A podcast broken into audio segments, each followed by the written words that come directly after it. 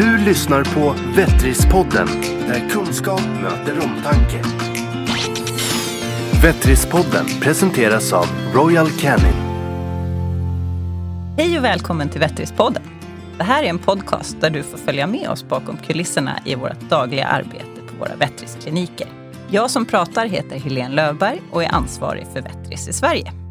I dagens avsnitt ska vi prata om eh, veterinärkliniker och eh, ekonomi. Eh, med mig idag har jag Patricia Riselius. Hallå, hallå. Ni känner henne vid det här laget från kliniken i Umeå. Jajamän, där är jag ifrån. På besök nere i södra Sverige. Precis. Patricia är ju eh, både ägare och veterinär på vår klinik i Umeå. Jajamän, där är jag ägare eh, på Vettris i Umeå. Vi är just nu två veterinärer och eh, två legitimerade sköterskor och eh, tre receptionister. Välkommen hit. Eh, vi gästas också av Kristoffer Strömberg. Hej på er! Eh, Kristoffer driver vår klinik i Nyköping och äger. Eh, även eh, Arkens O-butiken faktiskt. Eh, det ska väl nämnas, alla våra veterinärkliniker ligger i anslutning till en Arkens O-butik. Eh, och Kristoffer driver både klinik eh, och butik. Mm. Nyrenoverad med lite spännande inslag av annat än veterinärklinik också. Absolut. Nej, men det ska, och det vi vill också väva in här ett, ett familjeföretag i den här kedjan. Så jag, mor och far och eh, min sambo. Och så, så vi är ett riktigt familjeföretag. Ja, har också öppnat lite nya dörrar Det har vi gjort. alldeles nyss. Vi öppnade en eh, klinik i Eskilstuna. I eh, eh, samband då, eller vad säger man? I eh, sammanhängande med butiken i eh, Eskilstuna vid Tuna Park där. Och sen så i Nyköping har vi utvecklat verksamheten med eh, ett helt nytt fräscht trim. Eh, och vi har även då en eh, rehabdel. Där vi har water treadmill och hela balletten. Vi i Umeå samarbetar ju med Djurmagasinet som också är i samma kedja som eh, Arkens O. Eh, och vi har väl haft ett samarbete på ungefär fem sex år tillbaka. Det här med ekonomi och veterinärkliniker är ju ett ganska hett omtalat ämne. Eh, framförallt bland djurägarna ute i landet. Eh, som upplever att det kostar väldigt, väldigt mycket pengar. Eh, och många tror jag inte vet vad det, är, vad, är, vad det är man betalar för och hur det fungerar med, med ekonomin i den här branschen. Eh, ni har ju lite olika roller eftersom du Patricia både äger och faktiskt arbetar som, som veterinär medan du Kristoffer eh, är med som, som ägare och arbetsgivare blir det ju till eh, personalen som arbetar inne på kliniken. Ehm, jag vet inte om vi ska börja hos dig Patricia kanske. Hur, eh, din väg till Vettris veterinärklinik i Umeå. Eh, Jag gick ju veterinärhögskolan i Uppsala eh, och blev, gick ut 2000, så jag har jobbat med det här nu i 20 år. De första åren så var jag anställd på Eh, bland annat Veterinärhögskolan, eh, djurklinik i Stockholm. Sen eh, flyttade jag norrut och hemåt till Vännäs utanför Umeå där jag började driva eget allt eftersom och eh, har till slut hamnat som egen företagare då i samarbete som franchisetagare i Vettris. Eh, varför jag valde att starta eget har varit att jag kände att jag ville ha friheten att göra det. jag eh, ville ha friheten om var jag lägger mina resurser, eh, hur jag vill utveckla mig, vilken service jag vill kunna stå för och ge till mina djurägare eh, göra det mer personligt än vad det var på större djursjukhus där jag jobbade tidigare. Där man egentligen, jag upplevde mig som lite kugge i maskineriet bland alla andra. Så, så hamnade jag som egen företagare och gjorde det valet. Sen att det blev inom veterinärt är därför att jag ville bli veterinär till att börja med. Så jag är både veterinär och entreprenör kan man säga. Ingen dålig blandning. Nej, och det, det kan vara lite tabubelagt eftersom att jag kan uppleva det eh, att just eftersom att du tog upp det här med att man kan tycka att det är dyrt, att det ligger lite grann en eh, gammal tradition i att vård överhuvudtaget eh, ska eh, vara lite Florence Nightingale. det ska eh, ges men det ska inte kosta. Och det eh, kan ju ligga något värdefullt i det och särskilt i, inom det samhälle vi lever i, humanvården med de skattemedel som finns och det sättet att tänka att alla ska ha samma rätt. Självklart, det man glömmer bort lite grann är att djur är ju trots allt en hobby. Det är ju ett fritt val. Och eh, den sjukvård som eh, våra sällskapsdjur eh, ska få får man ju bekosta själv. Det finns ju inga skattemedel egentligen som ska till för det. Utan eh, det är ju e-, en kostnad som djurägarna får ta helt och hållet själva. Till viss del med försäkringar då, försäkringsbolag. Men kostnaden ligger hos djurägaren. Att ja, se till. och ansvaret. Mm, och ansvaret att ta dem. Du nämner humanvården. Skulle du säga, har du någon känsla för, rent kostnadsmässigt, om du jämför ingrepp på humanvården och eh, veterinärvården, är det i grund och botten samma kostnad? Oj, det kan jag... det, jag kan inte uttala mig så, men om jag rent krast så förväntar sig djurägare i dagsläget ungefär samma nivå av kompetens och eh, ingreppsmöjligheter. Eh, samma typ av eh, magnetröntgen, eh, blodprovsmaskinerier, eh, intensivvård. Inte alltid, men det finns eh, en vilja att det ska finnas. Och ju mer specialiserat djursjukvården blir, ju mer kostar det. Det har ju blivit en, en väldig diskussion om ett ganska kraftigt ökat eh, ökad prissättning sista åren.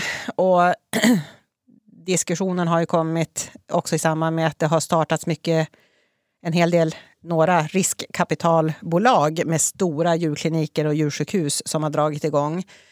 Och jag kan förstå med all rätt att med den service och den ytan och de resurserna som behövs mm. så måste, det, måste man ta betalt för att det ska gå runt. Och det, det är det som har kanske dragit upp en del till att priserna har dragits upp till skillnad mot för vad det har varit kanske för 20 år sedan. Fanns det en bråkdel av det som finns idag? Nej, men jag, precis som du säger, jag, jag kommer lite från en annan vinkel på det här. Vi, vi startade butiken, eller egentligen ska vi backa att vi har ju liksom verkligen en eldsjäl i familjen och det är ju min mor som startade butik 2005.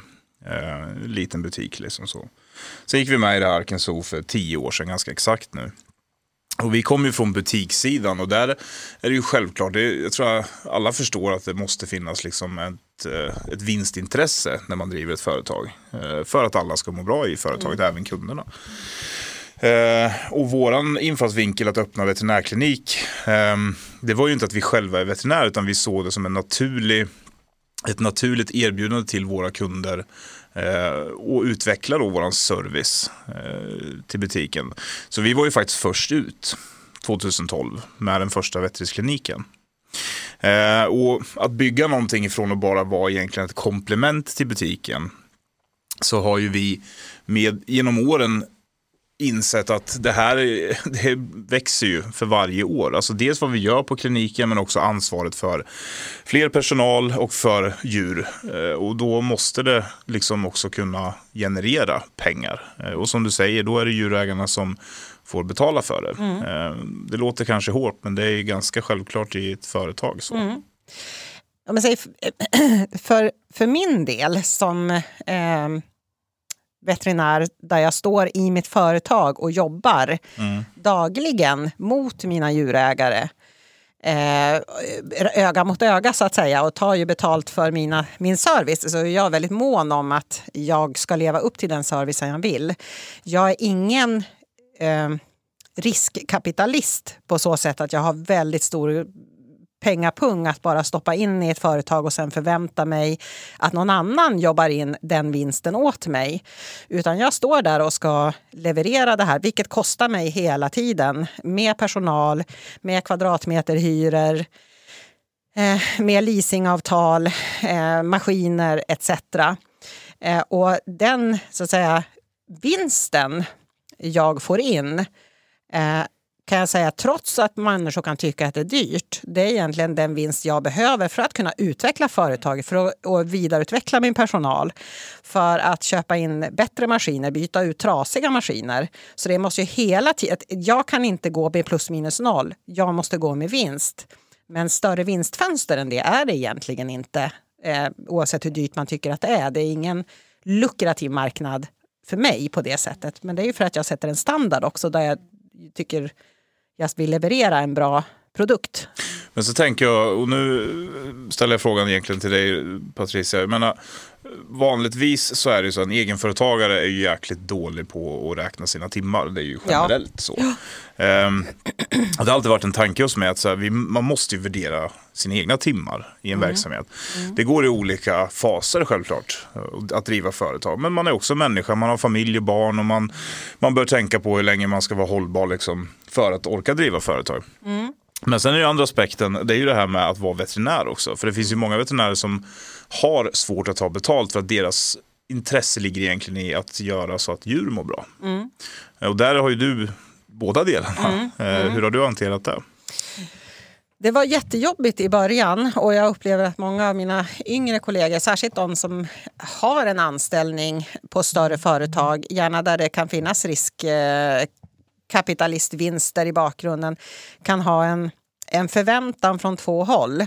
En förväntan från eh, djurägare att det ska vara rim, rimlig kostnad och att eh, givetvis sig, sin egen eh, förväntan av att eh, leverera eh, ett bra arbete men inte heller till att ta en massa onödiga prover eller slänga på folk extra saker bara för att man ska dra in pengar. Men samtidigt så har eh, många veterinärer en, nästan ett krav på sig från andra då chefer och eh, intressenter som vill att de ska dra in. Så det kan nästan eh, ibland finnas, vet jag, krav på att man ska dra in så här mycket prover, så här mycket röntgen, så här mycket för att någon vill tjäna pengar. Och den kluvenheten är, går ju förstås stick i stäv med det yrke mm. som veterinären själv har signat in för att jobba man jobbar för det som är väl och ve för patienten och för djurägaren, mm. inte för att tjäna pengar till någon annan.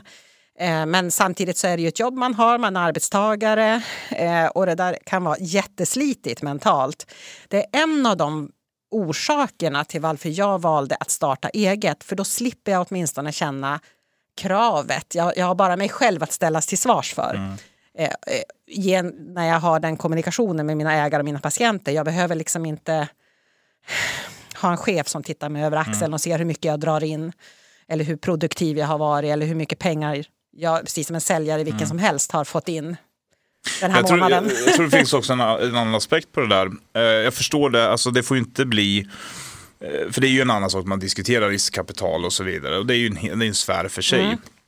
Men jag tror att, vi, vi har ju pratat många gånger du och jag Elena om det här med, och jag tror till och med jag fick frågan mm. av dig någon mm. gång, att hur man nästan vågar driva en mm. veterinärklinik mm. om man inte är veterinär själv. Mm. Och det är klart att det finns en sårbarhet i det. Mm. Att inte kunna gå ner på golvet och faktiskt ha patienter mm. själv den dagen. Och vi har varit med om det när vi har tappat alla våra veterinärer och står med verksamhet ja. och kostnader. Det är väldigt sårbart. Det är jättesårbart. Ja, och har du en veterinär som faktiskt är förkyld en vecka så står du, vi ska ju inte glömma alla lagkrav heller på, på vad eh, personal inom djursjukvården faktiskt får uträtta. Du kan ha en legitimerad djursjukskötare som får uträtta en oerhörd massa eh, saker i form av vaccinationer och kastrationer av hankatter och blodprovstagningar och, och väldigt mycket saker. Mm.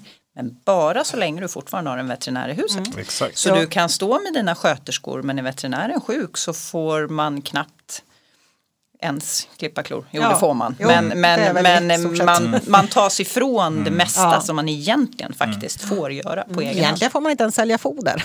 Veterinärfoder Nej, om inte veterinär. Det är, ju, var det är väl inget väldigt lagkrav dock, men eh, det är väl, eh, oj, det är väl mer eh, leverantör. Men alltså precis det vi, alltså kärnan i det är ju att man är sårbar. Mm. Eh, och det är man ju även om man är veterinär och kanske har bara sig själv på Ja, kliniken och blir sjuk anställd. eller en anställd. Ehm, men jag ser också att det finns en, det är en uppsida och det är lite som du är inne på här också. Att, och som min fråga var lite grann, det är ett stort ansvar att driva ett företag Mm. med alla aspekter som finns där i.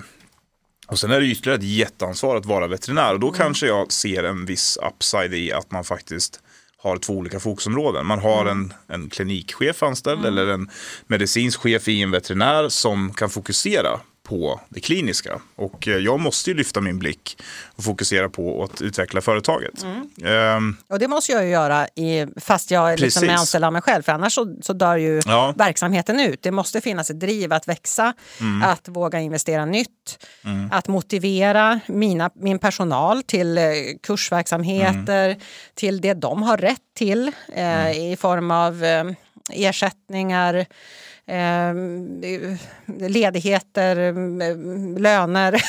Allting, varenda person eh, kostar väldigt mycket pengar och de enda som kan driva in de pengarna är veterinären. Eh, det, och i syvende och sist djurägaren. Eh, men sen kan jag också förstå, om jag förstår din fråga rätt, att det kan rent etiskt, om jag går till mig själv och det som lever kvar lite grann eh, i kanske många veterinärer som jag känner, det är att när man börjar plugga till veterinär så är det inte kanske i regel som entreprenör och företagare man gör det. Utan man gör det för att man har ett brinnande intresse.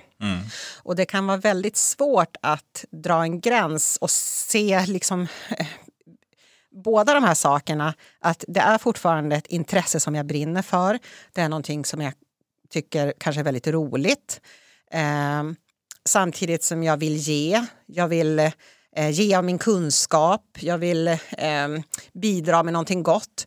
Och det, att tänka steget att dess, jag dessutom ska ta betalt för det, det är för många veterinärer en ganska svår övergång. Ehm, och det är ju någonting som som sagt är lite tabubelagt. Det är fortfarande lite Florence Nightingale eh, känslan i att ja, men, eh, man gör det för att vara snäll. Jag vet inte hur det ser ut idag, men jag kan bara dra en parallell till. Vi, som sagt, vi öppnar ju ett, en rehabavdelning som inte är direkt anknuten till kliniken, utan är lite fristående så. Men den ligger ju under djurhälsan i Arkansas. Eh, Men det som är intressant med dem, vi har ju till exempel där då en kaniopat eh, som är anställd. Och i deras utbildning så har de mycket företagande redan i utbildningen. Eh, och det är ju någonstans, märker man ju lite grann, att man förbereder de här för att faktiskt bli egenföretagare och möta marknaden. Och inte bara som tänka kliniskt och behandlingar och så vidare. Och det tycker jag är bra. Jag vet inte om det är så idag på, på veterinär. Jag Högskolan. tror inte det. Nej, jag tror faktiskt inte heller det. Och jag tror att det fortfarande är ganska lite tabubelagd faktiskt, för det ska hållas väldigt hå- hårt isär. Det här med vårdandet och det etiska, jag ska hjälpa, eh, kontra jag ska ta betalt.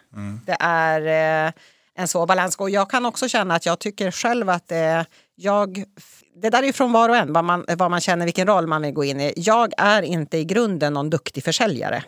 Det har jag inte i någonting. Jag kan inte ens sälja en sak på Blocket. Jag, jag, jag är ingen bra säljare. Eh, så för mig att, att eh, först behandla och så sen börja sälja eh, saker vid sidan om är inte naturligt för mig. Eh, Det kanske är det bättre för andra. Men då får jag ju ha någon annan som kan göra det. En sköterska som jag kan lämna över till. För jag förstår ju att den här kunden behöver ju fortfarande kanske hjälp med klotång eller mat eller vad den nu behöver för att eh, behöva det den ska ha innan den går hem. Men då får, finns det ju andra som kan hjälpa till mig med kanske och att det finns en sån upplägg. Eh, men jag är in, jag känner också kanske att ska jag vara veterinär så ska jag ägna mig åt det bara jag kan. Och någon annan får göra det någon den andra kan. Jag tror också att det är lite grann så här hur vi, ja, men man gör nog kanske automatiskt en sammankoppling till skattefinansierad välfärd och vad företagande faktiskt är.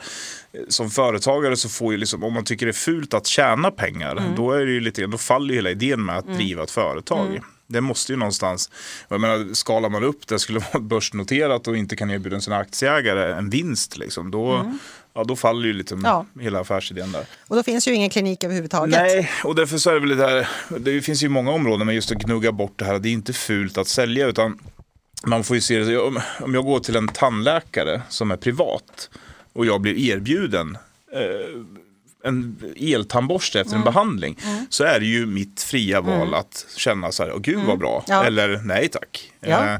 Eh, om jag går i en leksaksaffär och de säger vill du ha batterier till den här leksaken du har köpt så kan jag gå hem och, och sura över det, att jag glömde batterier eller så säger jag oj vilken bra hjälp jag fick. Det tar jag gärna. Nu kommer inte jag ihåg namnet på honom, men vi hade ju på en av våra kickoffer en väldigt bra holländsk veterinär som pratade om, eh, inte ren försäljning, men alltså snarare att vi har gjort det kanske med vårt svenska ideal så att vi erbjuder så lite vi kan i början för att vi är rädda för att erbjuda våra tjänster. Istället för att vända på det där och faktiskt möta djurägaren som är orolig för sitt lilla djur med det här kan vi göra för dig. Allt det här för att verkligen, det känns som att du Det har något- han, ja, men det handlar om att värdera sin tid väldigt mycket. Eh, Lite som Patricia också är inne på. Eh, Man har ju kanske valt den här branschen för att man verkligen brinner för djuren och dess välbefinnande. Eh, Från allra första början och sen så vill man, man pratar i telefon och man ger råden på telefon och man lägger jättemycket tid. Eh, och de kommer in och jag vet inte hur många eh, jag vet att, att många tror att man tar in djuren fast det inte behövs bara för att man vill tjäna pengar. Eh, jag kan säga att de flesta gör precis tvärsom. Träffar man djuren ute i väntrummet och ser att nej men du, köp det här fodret eller gör si och så här, vänta till imorgon, kom tillbaka om det inte är bättre då. Eh, eller något annat. Man ser att du behöver faktiskt inte träffa en veterinär idag eller nu. Eh, så gör vi ju gärna det för vi vill ju inte lura någon Nej. på pengar eh, egentligen. Men vi måste värdera våran tid vilket väldigt sällan görs. Och jag tror att det är det som det är ju inte en gång som det faktiskt som man hör någon djurägare som har varit hos en veterinär som säger att ja men de tittade bara i örat och det tog bara två minuter och det kostade så här mycket. Men för att titta i det där örat, även om det bara tog två minuter, och jag kan gissa att veterinären i allra högsta grad kände likadant. Det tog bara två minuter, ska jag verkligen ta betalt? Eh, men det ligger ju ganska mycket mer bakom för att kunna titta i det där örat. Du Ja, har Ja. utbildat dig för att kunna veta vad det är du ser Ja, i alltså örat. det, det handlar ju om eh, alltså studielån på miljonen till att ens bli veterinär. Och sen eh, och som egen företag, och sen erfarenheter att ha gjort hundår eh, och lärt sig väldigt mycket praktiskt. Och sen eh, att kunna bygga upp eh, det som till exempel jag har nu med lokaler, anställda. Det är mycket som ska betalas av för de kunder som kommer för att den ska finnas. Och det, jag tror man glöm, glöm, vet inte som djurägare. Varenda liten sak kostar ju som ska betalas av djurägaren. Det är allt ifrån eh, jag menar, journalsystemen kostar hela tiden bara att ha igång till exempel. Röntgen kostar hela tiden bara att ha igång. Eh, leasingkostnader. Eh, det, Ja, tickar finns ju hela massor. tiden. Och det, det är lite så här när man är inne på, för mitt perspektiv så det är så man, det är ju ingen dialog man tar med en kund. Och jag har full respekt för att alla har inte koll på bakåt vilka kostnader man har. Mm. De kanske tittar på de här två minuterna de är inne i behandlingsrummet. Men innan det här blir martyrpodden. Men alltså, Mm. ja, ja, ja, ja. Nej men alltså någonstans så. Det, det är alltid så, från receptionisten som sitter ja, och tar i telefonen. precis. Och det, den receptionisten kan inte tjäna egna pengar. Nej. Den receptionisten är beroende Mm. av att det finns en veterinär som kan ta betalt för att den tittar i örat som receptionisten Mm. har bokat tid för. Eh, som eh, eh, någon har köpt in öronrengöringsrens för och tagit tid för det. Alltså tid är också pengar. Det är, och, men ut, det är det som är, liksom är den stora kostnaden. Men sen är det också det att det är inte humanvård med skattefinansiering. Nej. Det är frivilligt att ha djur. Mm.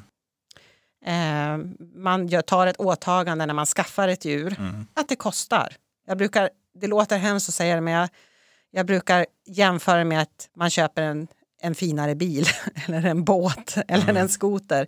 Det är någonting som eh, man eh, vet att det här är ett intresse, det är en hobby. Det kommer att kosta. Skillnaden är att djuret kan du inte ställa av. Du måste göra någonting av det. Det, var, det är en annan diskussion. Men det kostar. Och ingen annan ska behöva betala för det. Utan det är den som har det som, som har äh, ytterst Det ansvaret. finns ju en frihet till om man ska vara väldigt hårdragen. För det finns väldigt hårda drev på sociala medier mot veterinära kliniker och egenföretagare.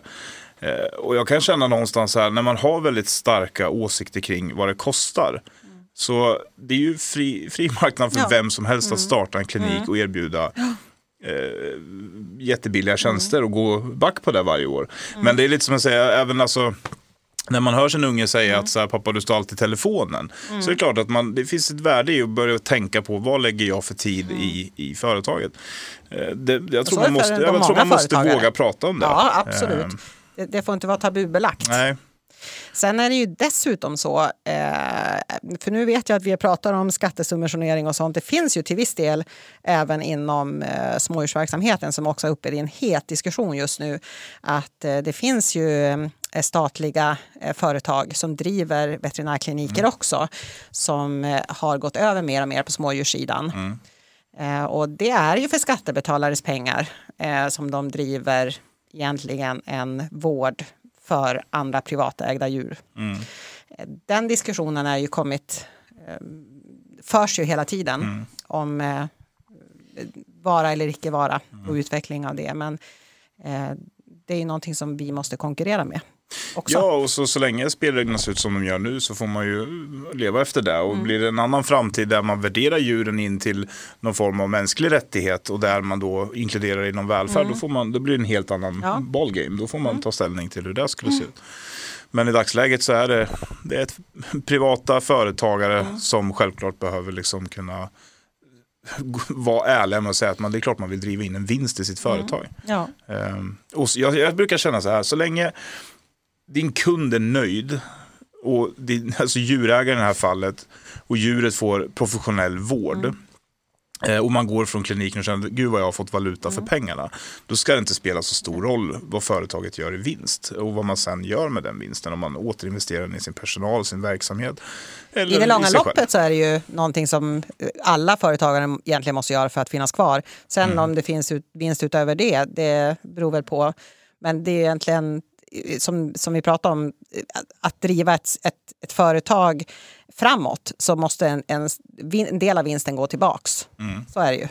Ja, men jag, Det- menar, det- jag menar man måste nästan få lyfta det även från det. Det, det Ja, får ja, inte ja. handla om att vi ska, vi ska bara tjäna så mycket så att vi precis Nej, klarar oss. nej, nej, nej. så att vi Nej, kan återinvestera nej. i vår verksamhet. Utan, då blir det ingen drivkraft. nej, det, det måste för att det, fin, det finns något fint med entreprenörskap. Det skapar också jobb och samhällsnytta och andra skattemedel. Eh, Så att det får, jag personligen tycker inte det får vara fult att Nej. ha drivkraften och få välmående företag Nej. som tjänar pengar och har nöjda kunder och skapar arbeten. Och, Och friska djur.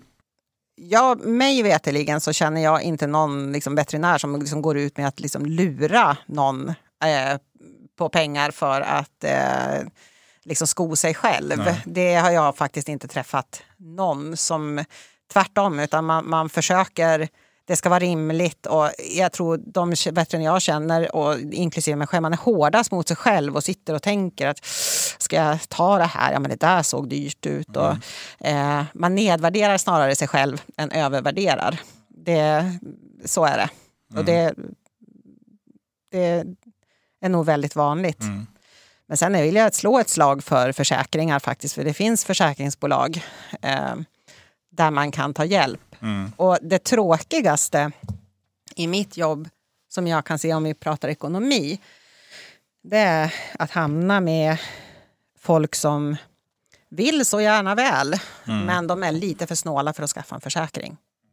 Och så står de där och lägger över hela det ekonomiska ansvaret på mig.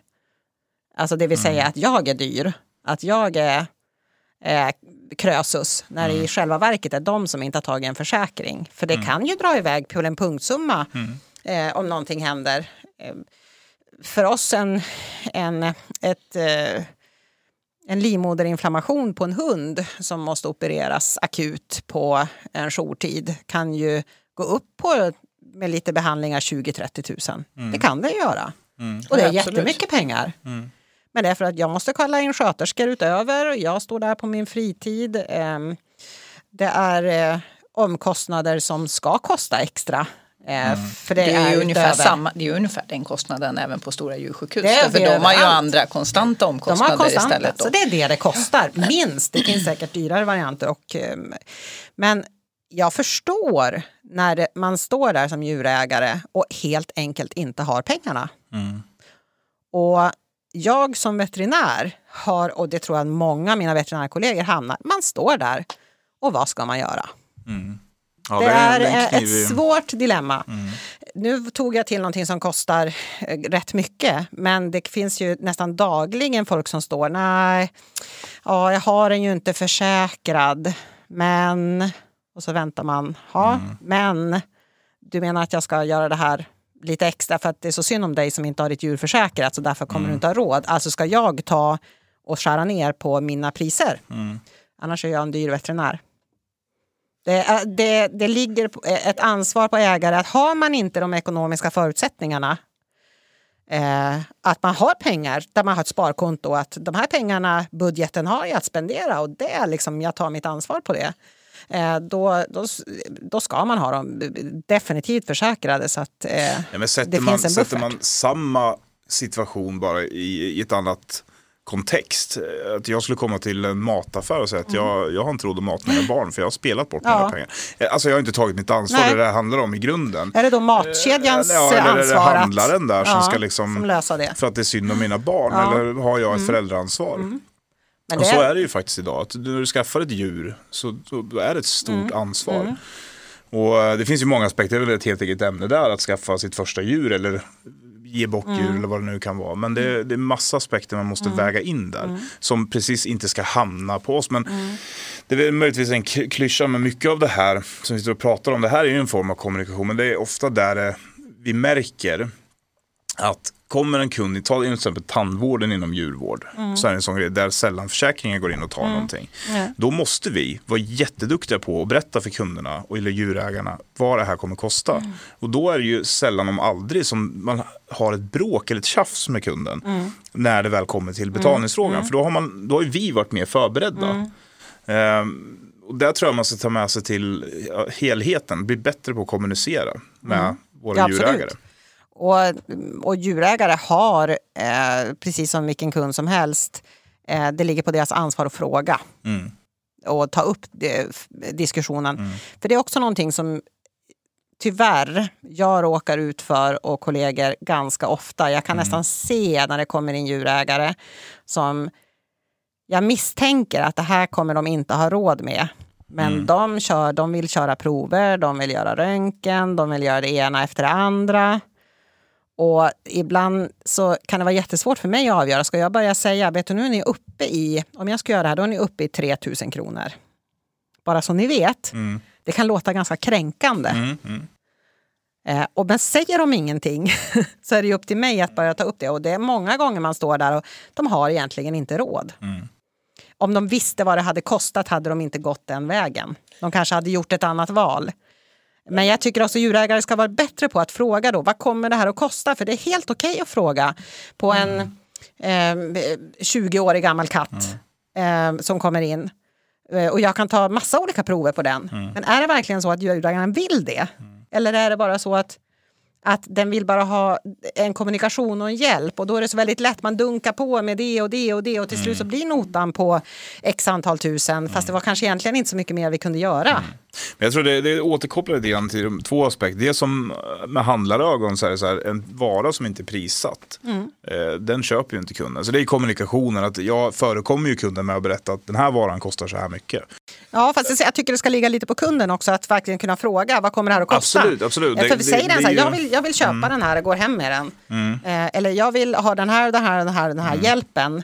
Eh, och för mig får det kosta vad det vill. Det är bara det att jag inte har råd när jag går hem. Ja, jag, håller med dig, redan- jag håller med dig ju rätt, men jag, jag ser det nog att det ligger me- mer på vårt ansvar som vill ha djurägarna Mm. till våra verksamheter. Så ser jag att där ligger, och ligger mig ansvaret att vara på tårna och kommunicera Mm. kostnader. Och sen vill jag anknyta till det här som vi pratade om, att från början erbjuda vad det är vi kan göra och också vara tydlig med vad det kostar. Mm. Men, och då vad det har för funktion. Då har man liksom lagt ut den breda spektrat. Eh, och sen får kunden ta ett beslut, eh, eller djurägaren i det här fallet. Då. Och eh, utifrån det också ta ansvaret för vad de vill göra. Sen kan det ju mm. sluta med att man bara, vad det nu kan vara för behandling. Där är du mycket bättre än mig Patricia ja. på det kliniska. Jo, men... Eh, absolut, men det, men det blir ändå en, en kan bli en väldigt konstig ekvation eftersom mm. att det är någons hjärta vi pratar om. Mm. Det är inte bara ska jag köpa eh, den här klotången eller inte, mm. utan det är ett djur som är där kanske som en nära vän som är ganska traumatisk situation man kan ha hamnat i. Mm. Eh, det här var kanske inte planerat att det skulle bli sjukt mm. just nu. Eh, den här djurägaren kommer från en hemsituation som kanske mm. dessutom är insyltad i allt det här. Och det ska stora beslut som ska fattas mm. Eh, och ekonomin kommer in i det hela också. Mm. Och det var egentligen det jag ville anknyta om. Har man det försäkrat mm. så blir det i alla fall en, en liksom takkostnad. Också på prover. För oftast brukar självrisk ligga på 1500 ungefär. Mm. Ungefär. Mm. Och sen är det väl 20 procent på resten. Så det drar inte iväg så fruktansvärt mycket kanske som det kan göra om man har ett djur helt oförsäkrat. För då har man ingen buffert alls. Men jag tror där finns det också mycket nu ska inte jag dra motioner här för långt, men alltså, vi går ju åt ett, helt annat eh, leverne med våra husdjur idag. Mm. Eh, och tittar man på, du, går du och köper ett dött ting som en bil, så finns det ju liksom ett lagkrav på att du ska ha den försäkrad mm. om du ska vistas ute med den i trafiken. Mm. Eh, det kanske är någonting sånt som skulle till på ett djur. Att, jag menar, har du ett djur så ska du ha det försäkrat. Du ska veta om mm. att det är en kostnad som är förenat med att ha ett mm. djur. Det, det, mest tragiska tycker jag i, i bakgrund av lite den här och en infallsvinkel som jag stöter på lite då och då. Det är att det är en hel del djurägare som har djur för att de mår bra av djur. Och då tänker jag på djurägare som eh, kan vara handikappade på olika sätt. Eh, en del av de här djurägarna har gode män. Mm. Och där eh, kan jag hamna i väldigt tråkiga och ledsamma sitsar. Eh, och jag skulle önska om jag fick, om, det, om jag får nå fram till alla gode män där ute eh, som har hand om ekonomi för människor som har svårt att hålla hand om sin egen. Att verkligen gynna försäkringar mm. i de fallen. För det är ganska ofta som just försäkringar på djur kan vara så enkelt, kan en gode man tycka, inom citationstecken som en katt, mm. eh, att faktiskt ha den försäkrad. För att när den här personen med sitt eh, djur som kanske är det största eh, den här personen har i sitt liv går och blir sjukt så finns det inte någon som betalar räkningen. Nej. För då säger gode mannen nej. Mm. Det finns helt, kanske, kanske inte pengar. Medan den hade kunnat haft en försäkring till att börja med. Och nog för att det är en kostnad som tickar, men det är en kostnad som är värt det för många. Och jag önskar att alla gode män var insatta i det. Ja, att faktiskt värna om det. Jag har alltid så hög försäkring jag kan ha på mina egna djur, även om jag har en veterinärklinik själv. Mm. För jag vet att det kan hända saker med djuret som inte vi kan behandla mm. på vår poliklinik. Och då måste jag remittera och det är ja. förenat med en jättekostnad. Ja, ja, ja, ja. Och vi tjänar ju inte så mycket pengar. så vi behöver ha dem där. nej, nej, men att inte bli snål när det gäller försäkringar. Nej, det är det, det preventiva som mm. kostar mindre i längden. Mm. Faktiskt. Ja, det är en viktig del. Så länge mm. det inte är en skattefinansierad ja. välfärd så är försäkringarna det alternativet. Det Om man vill slippa och hamna i de här diskussionerna mm. när det väl händer något mm. jobbigt. Och sen i, i veterinärbranschen just nu så är det ju väldigt brist på veterinärer. Det är ju jättesvårt att få tag i veterinärer som anställda. Det vet mm. ju du Helene. Ja, jag, också, jag satt är... precis och mm. tänkte på det just i, i form av vad som faktiskt, faktiskt kostar. Eh, tittar man ute på man vill ju kunna erbjuda veterinärvård eh, med hög kvalitet, kompetent personal. Gärna kompetent personal som dessutom mår bra på sin mm. arbetsplats. Eh, och det gör de bara om de har eh, rätt arbetsuppgifter. De får utbildning för att utföra sina mm. arbetsuppgifter om det handlar om någon form av vidareutveckling. Man behöver vara tillräckligt många för att kunna erbjuda det man faktiskt går ut och lovar till kund att man erbjuder och eh, faktum är tyvärr alltså i, i Sverige idag att det finns definitivt fler arbetsplatser än vad det finns personal.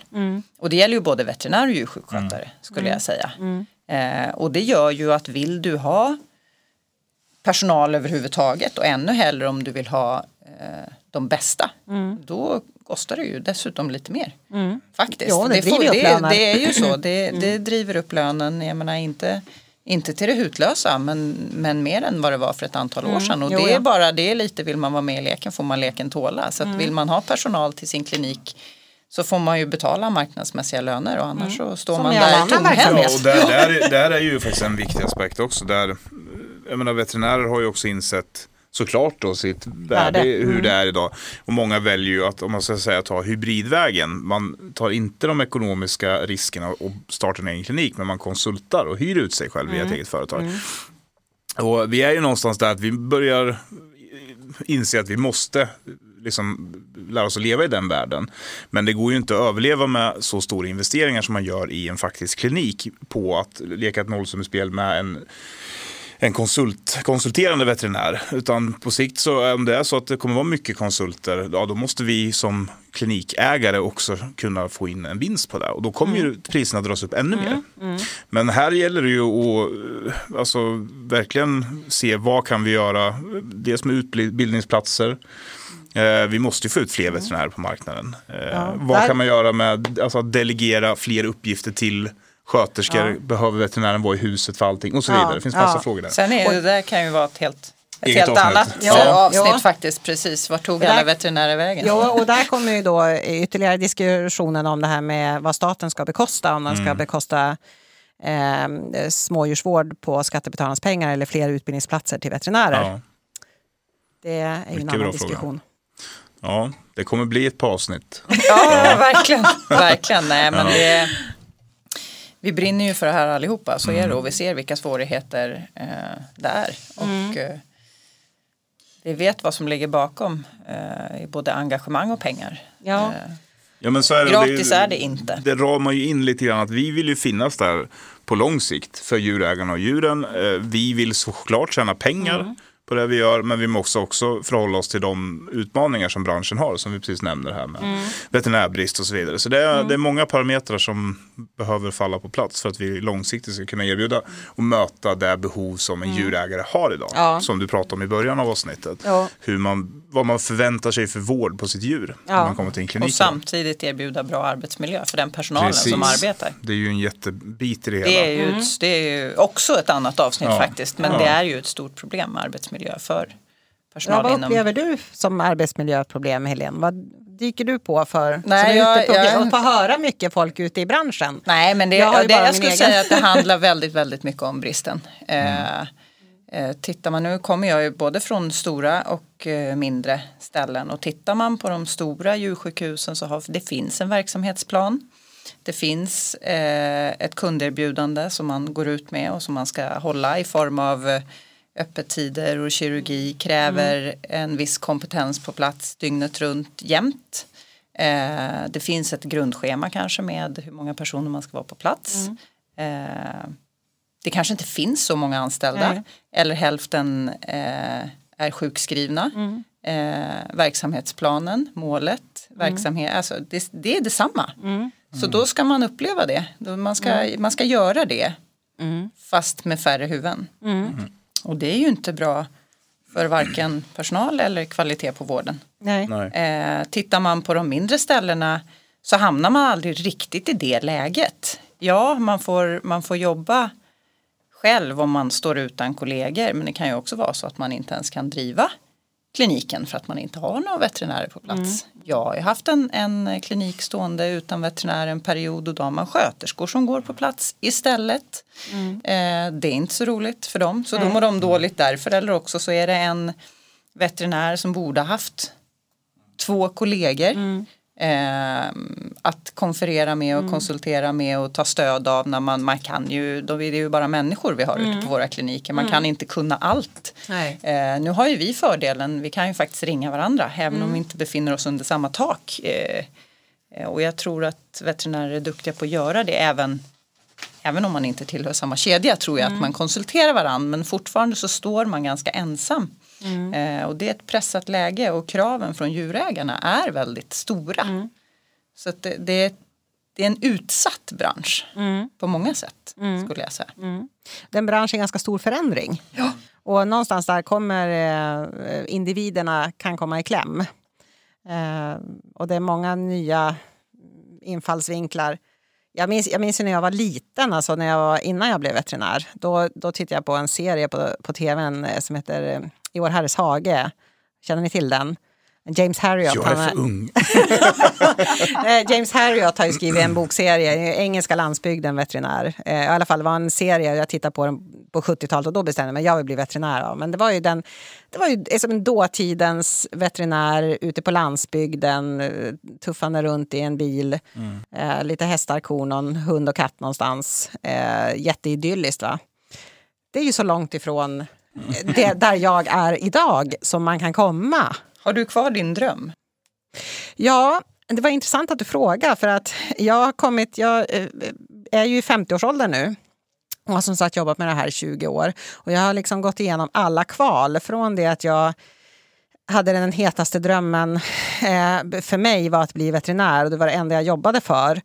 Eh, sen att gå igenom veterinärskolan och efter det att finna mig liksom kunskap och eh, en trygghet i mitt yrke. Eh, att kunna liksom inte bara gå omkring och vara rädd att göra fel. För det är några år där man bara går omkring och är rädd att göra fel. eh, för mig i alla fall. Eh, men att komma över det och så nu eh, kunna ställa mig just den frågan som jag faktiskt har ställt mig lite själv. Vad ville jag egentligen?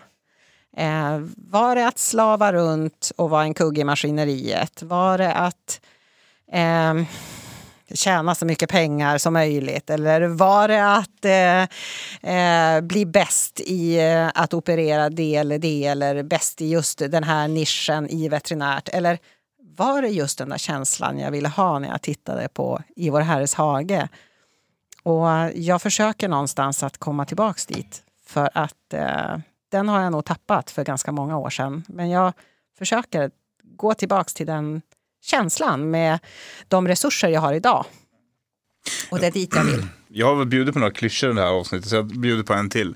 Do it with passion or not at all. Eh, Ja, det man, låter måste, bra. man måste hitta, om, speciellt om du ska driva eget, så måste du hitta din passion i vad du pysslar med. Mm. För att du lägger så fruktansvärt mycket mer timmar än vad du får betalt för. Mm. Eh, Så tycker man inte att det är kul, då, då får man nog omvärdera ganska Mm. snart. Jag tror också att tycker man inte att det är kul så kommer man aldrig göra det bra. Nej, Nej. så är det. Men det jag skulle säga var, jag tänker när man kliver in på kliniker, det är så tydligt om personalen som arbetar eller den som driver för den delen gör det med passion och tycker att det är roligt. För då, är du, då känner du dig välkommen bara du har öppnat dörren. Kliver du in i en klinik, klinik där, de har, där, där personalen har tappat passionen så är det så tydligt.